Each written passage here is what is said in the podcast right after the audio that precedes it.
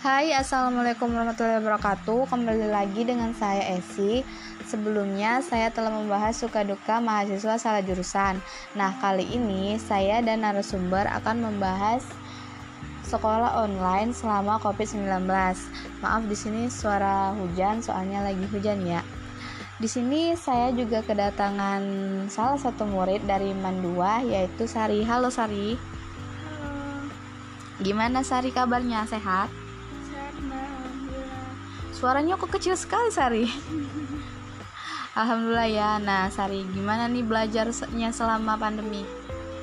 Tentunya walaupun lagi di tengah-tengah pandemi, kita masih harus belajar ya kak di rumah. Nggak harus di sekolah, apalagi sekarang serba online. Jadi harus pintar-pintar membagi waktu sama peluangnya. Belajar online sekarang juga masih banyak di masih banyak yang Dari dari Kemendikbud ya. Kemendikbud. Portal. Belajar hidup hemat, gratisannya jadi enak tinggal kita butuh kuota aja. Kita udah bisa akses sama ada pembagian kuota juga dari Kemendikbud di sekolah. Hmm, Kemendikbud ya. Eh, bener banget. Jadi kita harus manfaatin fasilitas yang ada ya. Nah, selama sekolah online kendalanya di mana sih? Oke oke. Oke oke oke aja sih mbak. Masih banyak kendala dari teman-temanku juga masih banyak curhatan yang masuk. Kayak kalau lagi sekolah,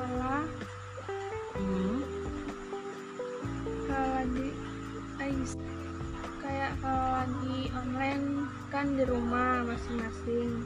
Nih nggak ada sinyal, harus ke sawah dulu. Hmm. manjat pohon nyari tempat yang Ada sinyal Ada ya. sinyal. Ya.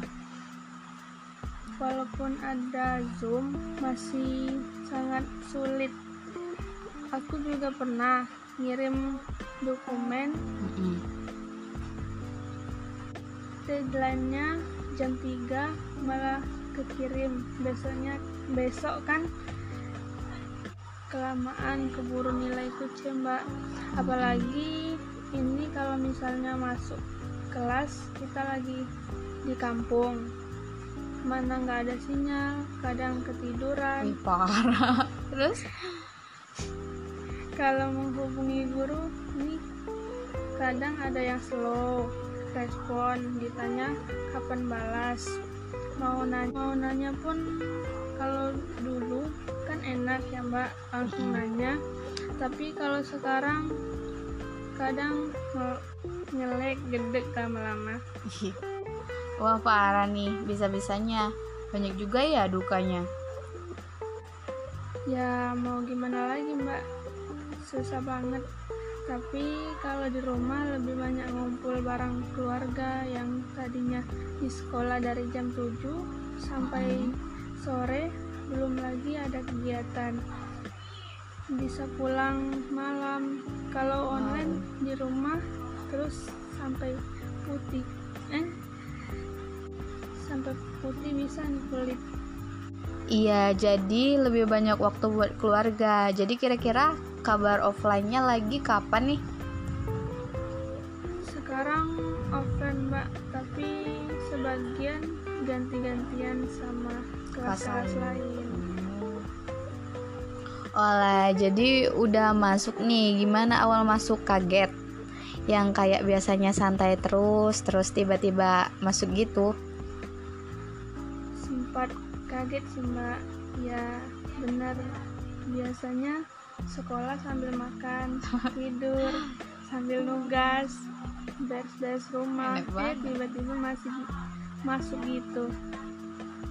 Jadi mikir ya, nggak ada waktu lagi nih buat rebahan.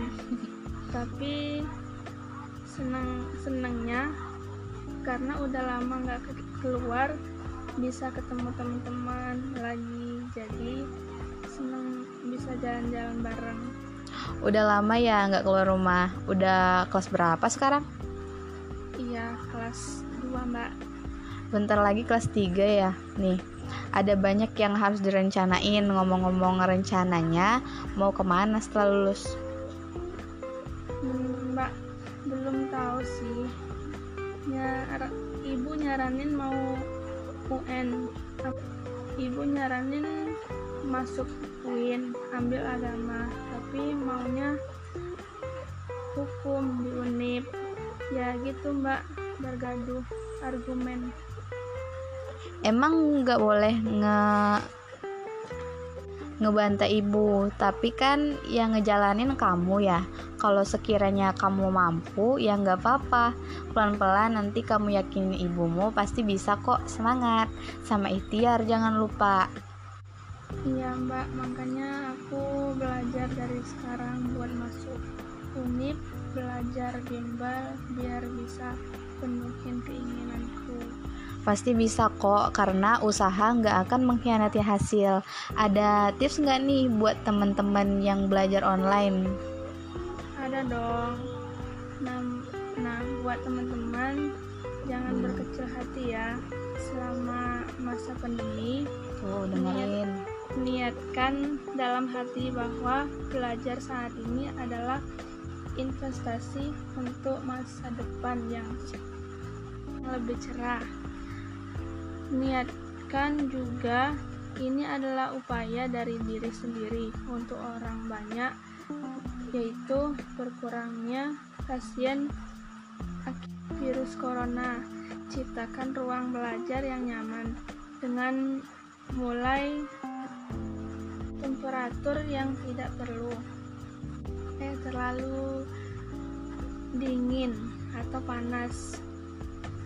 Ya terus? Menata ruangan dengan rapi, melengkapi keperluan pribadi saat belajar, menerapkan menerapkan pola makan 4 sehat 4 sehat 5 sempurna dan dan menyediakan cairan antiseptik supaya tangan tetap steril. Jadwal ini akan membuat kalian untuk bisa tetap konsisten belajar selama dua pekan ke depan. Buatlah daftar tema yang akan dipelajari setiap harinya supaya nanti terlihat terlihat apa aja yang sudah dipelajari.